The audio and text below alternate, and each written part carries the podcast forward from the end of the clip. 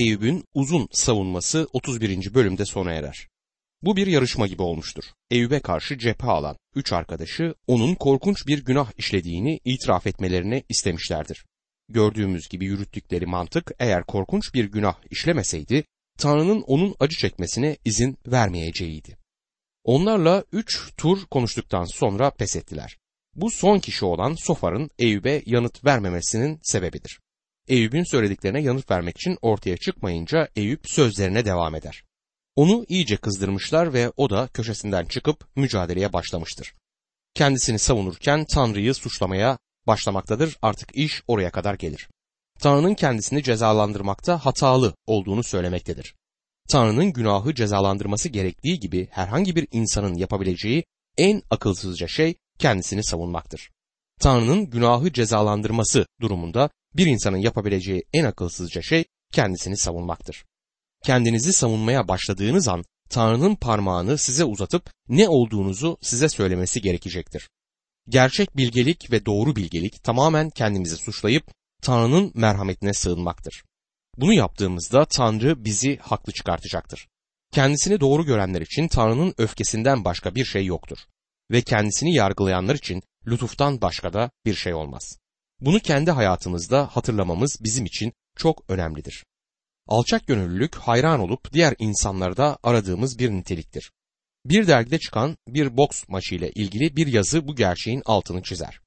Alçak gönüllülüğü giyinmek özellikle politika ve boksta arzulanan bir şeydir. Onlarla alay eden halkın öfkesine hedef olur. Şampiyonlarımızın alçak gönüllü olmasını isteriz. Ne de olsa bizi eğlendirmek için zavallı birini yere sermişlerdir. Onların mikrofonu ellerine alıp yeniden rakipleri hakkında iyi mücadele etti demelerini isteriz. Bunu yapmayıp da serseri olsa da bir serseriye serseri diyenler bizi kızdırır. Gururlu olmanın insan doğasının bir özelliği olduğunu söylemek isterim. Gururlu olmaktan suçlu olanlar sadece boksörler değildir. Belki onlar bu konuda biraz daha açık sözlüdür ama gurur insanlığın ortak bir özelliğidir. Eyüp kitabı Tanrı'nın önüne geldiğimizde onun kendi önünde gerçek olmamızı istediğini gösterir. Kendimizi savunamayız. Biz çok önemli biriymişiz ve çok önemli bir şey yapmışız gibi kendimizle böbürlenmenin bir yararı yoktur. Tanrı bu tür bir kibri kesinlikle kıracaktır. Rabbin günü yüksek ve yükseltilmiş her şeye karşıdır. Bu yüzden bugün bizim alçak ve kırılmış yeri almamız bilgeliktir çünkü Tanrı'yı ve onun kurtuluşunu en iyi görebileceğimiz yer alçakta durduğumuz yerdir. İnanlar topluluğunda vaaz kürsüsünden insanlar İsa Mesih'e imana davet edildiklerinde öne çıkan insanlardan çoğu gururla geldikleri için gerçek kurtuluşu tadamazlar.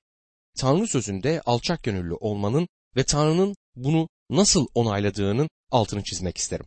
34. mezmur 18. ayette Rab gönlü kırıklara yakındır, ruhu ezginleri kurtarır diye yazar. Gerçek tövbe bu konumu almayı içermektedir. Bunu tıpkı Davut'un yaptığı gibi anlamamız gerekmektedir. Davut'un günahını itiraf ettiği büyük tövbe mezmurlarından onu dinleyin.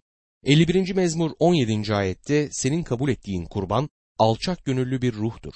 Alçak gönüllü ve pişman bir yüreği hor görmezsin ey Tanrı diyor. Dostum Tanrı ile iş yapmak için geldiğinizde onun önüne ona eşitmiş gibi gelemezsiniz ve kendi küçük iyiliğinizi ona vermiyorsunuz demektir. Tanrı'ya pişmanlıkla yaklaşmamız gerektiğini anlamamız gerekiyor.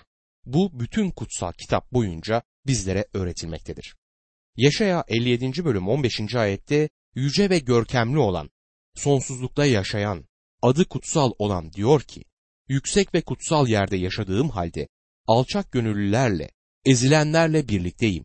Yüreklerini sevindirmek için ezilenlerin yanındayım. Bu alçak gönüllü ve pişman olma konusu sadece politikacıların ve boksörlerin sorunu değildir. Günümüzde bütün inanlar için bu bir sorundur. Özellikle de Rabbin hizmetinde olanlar için. Kendilerini yüceliğinden soyunarak kul özünü alan Rab İsa Mesih'in hizmetkarları olarak gösterdiklerinde egoizm ve kibirleri daha da iç bulandırıcı olur. Onun ismini kullanıp inanlı olduklarını söyleyen insanların yaşamlarında gurur olması İsa Mesih'in karakterine benzememektir. Nefret dolu, boyun eğmeyen, kendini ortaya koyan bir Mesih inancı bildirisi ve Mesih inanlı hizmeti çok çirkindir. ve bu son bölümde Eyüp çok çekici görünmez. Eyüp kendi sırtını sıvazlama işini çok iyi yapmaktadır. Ne kadar önemli, etkin ve iyi bir adam olduğunu söylemiştir ve şimdi de içinde olduğu durum için merhamet bulmaya çalışmaktadır. Bu bölümde sözlerine son verirken hala çok iyi bir adam olduğunu iddia eder. Eyüp 31. bölüm 1. ayette gözlerimle antlaşma yaptım. Şehvetle bir kıza bakmamak için diyor. Eyüp temiz bir hayat yaşadığını açıkça bildirmektedir. Kadınların peşinden koşmamıştı. Sıradan cinsel günahlardan suçlu olmadığını bilmelerini ister. 31. bölüm 2 ve 3. ayetlerde devam eder. Çünkü insanın yukarıdan, Tanrı'dan payı nedir? Yücelerden, her şeye gücü yetenden mirası ne? Kötüler için felaket, haksızlık yapanlar için bela değil mi? Diye soruyor. Hala bu tarzda günahlar işleyenlere parmağını uzatır ve onların yargılanması gerektiğini söyler. Kendisi bu kadar harika bir insanken neden bu kadar sert bir şekilde yargılandığını anlamaz. Kendi sırtını sıvazlamaktan neredeyse kolu kırılacaktır. Eyüp 31. bölüm 4 ila 6. ayetler arasında yürüdüğüm yolları görmüyor mu? Attığım her adımı saymıyor mu? Eğer yalan yolunda yürüdümse, ayağım hileye seyirttiyse, Tanrı beni doğru teraziyle tartsın. Kusursuz olduğumu görsün diyor. Kendi doğruluğuyla övünmektedir. Çok geçmeden Tanrı'nın huzuruna gelecek ve kendini gerçekten olduğu gibi görecektir. O zaman fazla bir doğruluğu kendisinde göremeyecektir. Eyüp 31. bölüm 7 ila 11. ayetler arasında adımım yoldan saptıysa, yüreğim gözümü izlediyse, ellerim pisliğe bulaştıysa, ektiğimi başkaları yesin. Ekinlerim kökünden sökülsün. Eğer gönlümü bir kadına kaptırdıysam, komşumun kapısında pusuya yattıysam, karım başkasının buğdayını öğütsün. Onunla başka erkekler yatsın. Çünkü bu utanç verici, yargılanması gereken bir suç olurdu diyor. Eğer sadık ve dürüst yaşamıyorsa karısının kendisinden alınmasını ister. Diğer bazı insanların yaptığı gibi günah içinde yaşamamıştır ve Eyüp'ün söylediği bütün bu şeylerin tamamen doğru olduğuna inanıyorum. Eyüp gerçekten iyi bir adamdı ama çok kötü bir kusuru vardı. O da gurur. Arkadaşları onu kendisini savunmaya zorladılar ve şimdi de duramaz. İyiliği hakkında övünür. Günümüzde aynı tür şeyleri Mesih inanları arasında da görmekteyiz. Bir tanrı çocuğunun övünüp gurur içinde yaşaması bir tabanca alıp birisini öldürmesi kadar kötü bir şeydir. Mesih inanları arasındaki gurur günümüzde inanlar topluluklarının bu kadar soğuk olmasının nedenidir. İnsanlar kilisede oturup kendilerinin çok iyi olduğunu düşünüyorlar. Dostum Mesih İsa'dasınız. Kurtuldunuz. Ama kim olursanız olun yaşamınız Tanrı'nın standartlarına uygun değildir. Söylemeliyim ki benimki de uygun değil. Eyüp 31. bölüm 13 ve 14. ayetlerde benimle ters düştüklerinde kölemin ve hizmetçimin hakkını yemişsem Tanrı yargıladığında ne yaparım? Hesap sorduğunda ne yanıt veririm diyor. Eyüp bir işverendi ve iyi bir işveren olduğunu şimdi söyler. Emeğe saygılı bir kapitalistti. Keşke günümüzde bunu söyleyebilecek daha çok insan bulunsaydı. Günümüzde üreticinin tüketiciye karşı çok iyi olduğu da söylenemez. Neyse önemli olan Eyüp'ün diğer insanlara karşı nazik davrandığıdır. Eyüp 31. bölüm 16 ila 22. ayetler arasında eğer yoksulların dileğini geri çevirdimse, dul kadının umudunu kırdımsa, ekmeğimi yalnız yedim, öksüzlerle paylaşmadımsa, gençliğimden beri öksüzü baba gibi büyütmedimse, doğduğumdan beri dul kadına yol göstermedimse, giysisi olmadığı için can çekişen birini ya da örtüsü olmayan bir yoksulu gördüm de koyunlarımın yünüyle ısıtmadıysam, o da içinden beni kutsamadıysa, mahkemede sözümün geçtiğini bilerek öksüze el kaldırdımsa, kolum omzumdan düşsün, kol kemiğim kırılsın diyor. Eyüp kesinlikle fakirlere yardım etmiştir. Daha kimse fakirlerle ilgili bir program uygulamaya başlamadan önce onun bir fakirler programı olduğunu görüyoruz. Öksüzlere bakıyordu. Bütün bunları yeniden tekrarlar. Yaptığı bütün şeylerle övünmektedir. Bunları gerçekten yaptığına inanıyorum ama bu konuda gurur içerisinde olduğunu söylemek gerek. Sorun da buradadır. Aslında yaptığı sürekli olarak o kadar iyi bir insandım ki Tanrı'nın bana bu şekilde davranması haksızlıktır. Tanrı hatalı demektedir. Dostum Tanrı'nın ismini her şeyin üzerinde övebildiğimiz ve kendimizi onun önünde yerde tozlar içinde görebildiğimiz bir noktaya gelebilmeliyiz. Eyüp 31. bölüm 29 ve 30. ayetlerde eğer düşmanımın yıkımına sevindim, başına kötülük geldi diye keyiflendiğimse kimsenin canına lanet ederek ağzımın günah işlemesine izin vermedim diyor. Eyüp düşmanı ayağını taşa çarpıp başını derde soktuğunda sevinmediğini söyler. Yani kinci değildir. Eyüp 31. bölüm 33 ila 36. ayetler arasında kalabalıktan çok korktuğum, boyların aşağılamasından yıldığım, susup dışarı çıkmadığım için suçumu bağrımda gizleyip Adem gibi isyanımı örttümse, keşke beni dinleyen biri olsa. İşte savunmamı imzalıyorum. Her şeye gücü yeten bana yanıt versin. Hasmımın yazdığı tomar elimde olsa, kuşkusuz onu omzumda taşır, taç gibi başıma koyardım, diyor. Gizlide hiçbir şey yapmadığını söyler. Düşmanlarının kendisi hakkındaki düşüncelerini yazmalarını arzuluyor ve onların yazdıklarını herkes görsün diye bir kravat ya da bir taş gibi takmaktan mutluluk duyacağını söylüyor. Sokaklarda dolaşıp bakın benim düşmanım benim hakkımda böyle söylüyor ve söyledikleri hep beni öven şeyler diye ilan etmek ister. Eyüp nasıl da övünüyor. Hayatı hakkındaki her şeyi dile getirmiş ama gururunu itiraf etmemiştir. Eyüp kendi gözlerinde doğru ama Tanrı'nın önünde doğru değildir. Elihu'nun konuşmasını Eyüp 32. bölümde görüyoruz. Şimdi etrafta bir kalabalık toplanmış ve bu adamların konuşmalarını dinler. Eyüp konuşmasını bitirdiğinde toplanan kalabalıktaki adamlardan biri olan Elihu konuşmaya başlar ve Tanrı sözlerini kesene kadar devam eder. Bu sırada ise ufukta bir fırtına belirir. Elihu'nun konuşmasının sonuna geldiğimizde fırtına grubun üzerine gelir ve hepsi kapalı yerlere kaçışırlar. Sadece Eyüp fırtınanın ortasında kalır. Tanrı bundan sonra Eyüp'ü kişisel olarak ele alacaktır. Eyüp'ün üç arkadaşının işi bitmiştir. Onlar giderler. Doğrusunu isterseniz bu bana rahat bir nefes aldırıyor.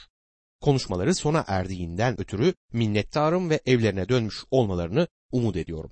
Eyüp fiilen tartışmayı kazanmıştır ama aslında kazanan Eyüp değildir. Karşısında bir şeyler söylemek isteyen bir delikanlı durmaktadır. Şimdiye kadar ağzını açmamıştır ki bu delikanlı için ender görülen bir şeydir. Bu delikanlının akıllı birisi olduğunu belirtmek isterim. Eyüp 32. bölüm 1. ayette böylece bu üç kişi Eyüp'e yanıt vermekten vazgeçti. Çünkü Eyüp kendi doğruluğundan emindi diyor. Bu tabii ki doğrudur. Eyüp kendisine baktığında doğruyu görüyordu. Üç arkadaşı Eyüp'e bir yanıt verememişlerdi. Bütün mantık yürütmeleri ve tartışmaları Eyüp'ün gereksinimini karşılamamıştı. Elifaz deneyimlerden söz edeniydi. Bildat ise yasa yanlısıydı. Sofar tartışmaları için insansal yetkiyi temel alıyordu. Hiçbiri Eyüp için bir çözüm bulamamıştı. Doğru olan birçok şey söylemişlerdi. Bir sürü büyük gerçeği dile getirmişlerdi ama Eyüp'ün sorununu çözememişlerdi. Bütün bunların sonunda Eyüp kendi gözlerinde doğru kalmaya devam etti. Bu tartışmanın bir değeri oldu. İki taraf herhangi bir konu üzerinde farklı düşünüyorlarsa tartışan tarafların birbirine teslimiyet ya da boyun eğmeye razı olup kendisini savunmaktan vazgeçmeyerek uzlaşmayacaklarını görmek bizim için önemlidir. Bu da günümüzdeki sorunlardan büyük bir kısmının kaynağını oluşturur. Eyüp kendisiyle gururlanıyordu. Hızlı alınan, inatçı ve hızlı kızan birisiydi ama arkadaşları da aynı özellikleri aynı derecede taşıyorlardı. Hiçbir uzlaşmaya varamamışlardı. Sanırım Eyüp'ün arkadaşları hakkında şunu söylememiz gerekir. Bir yanıt bulamadılar çünkü bir yanıtları yoktu. Kendini doğru gören birini sadece Tanrı yanıtlayabilir. Sonunda Tanrı'nın söze girip Eyüp'e yanıt verdiğini görüyoruz. Kırılmamış bir yürek başka her şeye hızlı bir cevap verebilirdi ama Tanrı'ya değil. Eyüp'ün arkadaşlarının verecek bir yanıtları yoktu ve döndüler. Şimdi ise Elihu sahneye çıkar. Eyüp'ün durumuna bir çözümü yoktur ama çözüme diğerlerinden çok daha yakındır. Ve benim düşünceme göre Tanrı'nın sonunda sahneye çıkması için bu genç adam yolu hazırlar.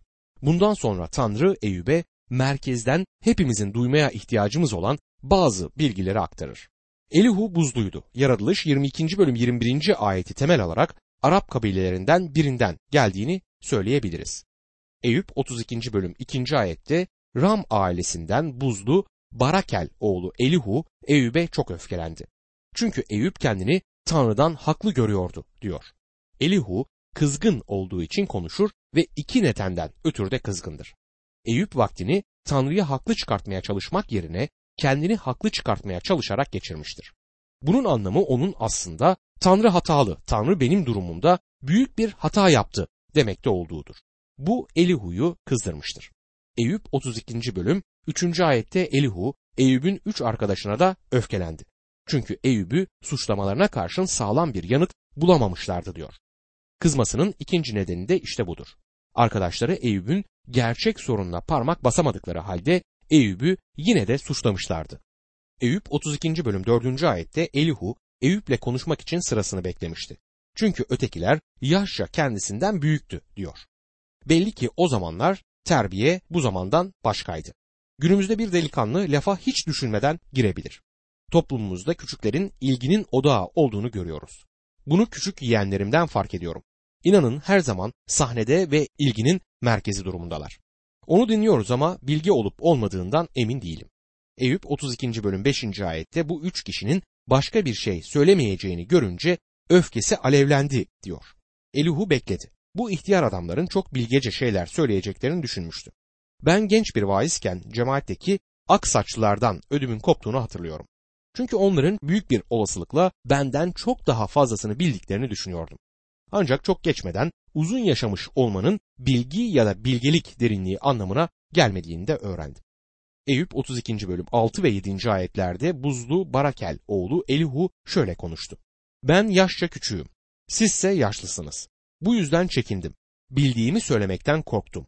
Çok gün görenler konuşsun dedim. Çok yıl yaşayanlar bilgeliği öğretsin. Şu ilginç yorumu dinleyin. 8. ayette. Oysa insana ruh, her şeye gücü yetenin soluğu akıl verir. Elihu günümüzde inanların sahip olduğu şekilde kutsal ruha sahip değildir.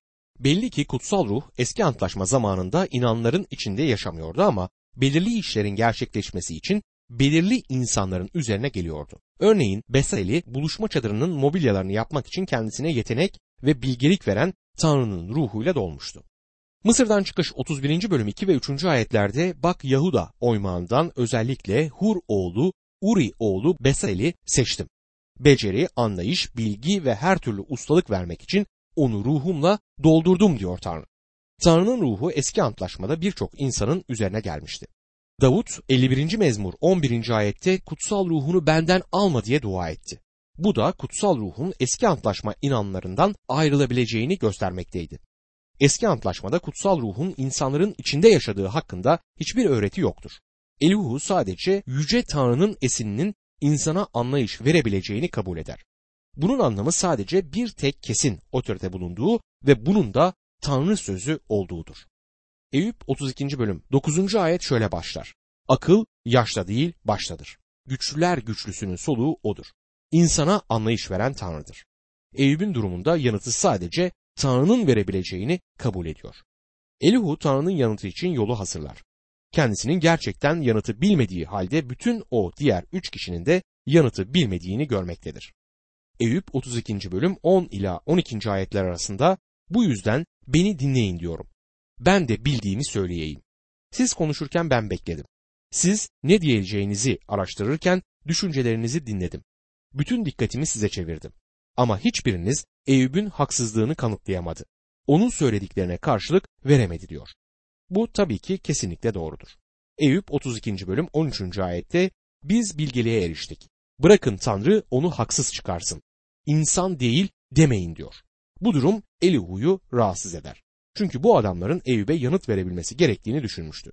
Onu rahatsız etmişti çünkü Eyüp haklı çıkmıştı ve bu durumda kibirliydi ve kendisine güveniyordu. Ezilmiş sözcüğü yaralanmış anlamına gelir. Eyüp'ün darbeler alıp yaralanmış olduğu doğrudur. Şeytanla beraber ringdeydi ve arkadaşlarıyla da 3 round geçirmişti. Eyüp'ün ringden yaralı olarak indiğine hiç kuşku yoktur. Ama ezilmişlik bir insanın içinden gelir. Günahtan ötürü duyulan acı ve tövbedir.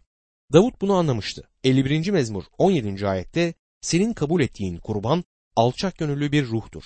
Alçak gönüllü ve pişman bir yüreği hor görmezsin ey Tanrı diyebilmişti Davut. Eyüp yaralanmıştı ama hala ezilmemişti. Ancak Tanrı henüz onunla işini bitirmemişti. Kendini doğru düşünmek, gurur ve kibrin yanıtı sadece Tanrı'dadır. Bazı insanlar bana gelip üniversiteyi bitiren bir oğlum var. Şimdi her şeyi biliyor. Böyle bir oğula nasıl cevap verebilirim diyorlar. Bunun yanıtı ancak Tanrı'nın her şeyi bildiğini düşünen bir oğulla başa çıkılabileceğidir. Sizler ve ben kendimizi doğru saymaya başladığımızda bir tek şeyden emin olabiliriz. Tanrı ile ringe çıkarılacağız ve Tanrı bizi yaralayacaktır. Bize bu şekilde davranması gerekiyor. Çünkü günahımızı görmemizi ve alçak gönüllü bir ruha girmemizi sağlamak için yaralanmamız gerekiyor gibidir. John Wesley'in yaşamında bu alçak gönüllülük ruhu görünmektedir. Wesley'in alçak gönüllülüğü hakkında biraz komik bir anı var. Anlatıldığına göre Wesley dar bir köprüden geçiyormuş ve köprünün tam ortasında bir düşmanıyla karşılaşmış. Geçmek imkansızmış ve düşmanı ona meydan okuyarak hiçbir zaman eşeklere yol vermem demiş. Wesley bir an ona bakıp ama ben her zaman veririm demiş ve yol açıp adamın geçmesine izin vermiş. Sanırım böyle bir durumda verilebilecek en iyi yanıt budur. Birçok insan çekilmeye razı olmazdı ama Wesley oldu. Gerçekten ezilmiş bir ruh düşündüğümde Horatius Bonor'un itirafını düşünüyorum. Soğukluğumu, ilgisizliğimi ve gururumu itiraf etmek için Tanrı'nın önüne gittim. Bitirdikten sonra yeniden Tanrı'nın huzuruna çıkıp tövbemden tövbe ettim diyor. Dostum tövbenizden tövbe etmek gerçek bir ezilmişliktir. Çünkü tövbe etmiş olmamızdan ötürü gururlu olmamız çok kolaydır. Elihu Eyüp'ün arkadaşlarının tartışmaya devam etmelerini bekliyordu. Eyüp 32. bölüm 16 ve 17. ayetlerde onlar konuşmuyor diye ben beklemeli miyim? Duruyor yanıt vermiyorlar diye. Benim de söyleyecek sözüm var. Ben de bildiğimi söyleyeceğim diyor. Burada Elihu'nun Eyüp kitabının yazarı olduğu imasını görmekteyiz. Bu açıklamayı yaparken ben dediğine dikkat edin. Kitabı yazan sanki oymuş gibi konuşur. Eyüp 32. bölüm 18. ayette çünkü içim dolu, içimdeki ruh beni zorluyor der. Daha fazla söylemesine izin verilmediğini söyler. Daha çok söylemeyi istiyor ama söylemeyecektir. Belli ki Tanrı'nın ruhu onu engeller. Ne yazık ki birçoğumuz fazla gururluyuz. Hızlıca alınıyoruz ve inatçıyız. Çabuk kışkırtılıyoruz. Kışkırtmaya açığız. Kendimizi haklı çıkartmak işine girmeye hazırız ve kimsenin bizi azarlamasını da istemiyoruz. Bir yumuşaklık tonu ve dokunuşta bir incelik yoktur. Dertlere derman olmaya çalışmayız. Kırık bir kalbimiz ve ağlayan gözlerimiz yoktur. Elifaz gibi kendi deneyimlerimizle övünüyoruz. Sofar gibi yasanın ruhuyla besleniyoruz. Bildat gibi insansal otoriteyi işin içine sokmaya hazırız. Mesih'in ruhu ve aklını göstermiyoruz. Süleyman'ın özdeyişleri 15. bölüm 1. ayette yumuşak yanıt gazabı yatıştırır. Oysa yaralayıcı söz öfkeyi alevlendirir dediğini hatırlayın. Çoğumuz bunu unutuyoruz ya da ben yanılıyorum. Yalnızca bunu unutan